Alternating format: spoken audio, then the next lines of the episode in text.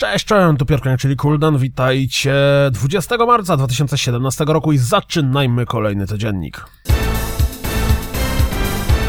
The Search zachęca nas kolejnym filmowym zwiastunem, a na dodatek dowiedzieliśmy się, że w grę zagramy już 16 maja.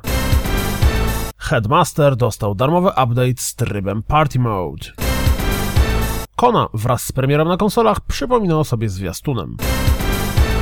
Premierowy zwiastun The Incredible Adventures of Van Helsing Extended Edition prezentuje się następująco.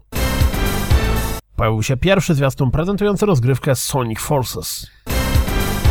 Wartile dołączył do Steamowego Early Accessu wraz z tym zwiastunem. Swoją drogą ta gra wygląda jak planszówka. Jeśli lubicie horrory z pierwszej osoby, to może zainteresować Was zwiastun Narcosis. Gra zadebiutuje już 28 marca.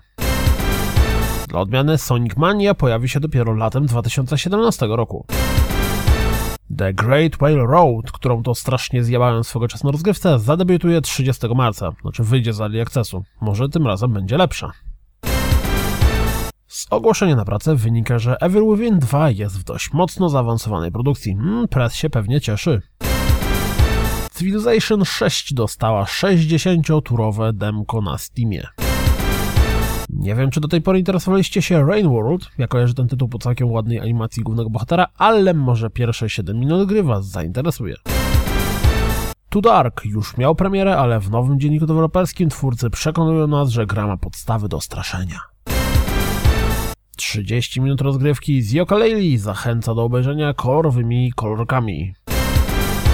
Nowe dzienniki deweloperskie Snake Pass omawiają trochę techniki poruszania się węża, jakkolwiek by to brzmiało. To wszystko na dziś, jak zawsze. Dziękuję za słuchanie, jak zawsze zapraszam na www.rozgrywkapodcast.pl Jeśli doceniacie moją pracę, wesprzyjcie mnie na Patronite i mam nadzieję słyszymy się jutro. Trzymajcie się, cześć.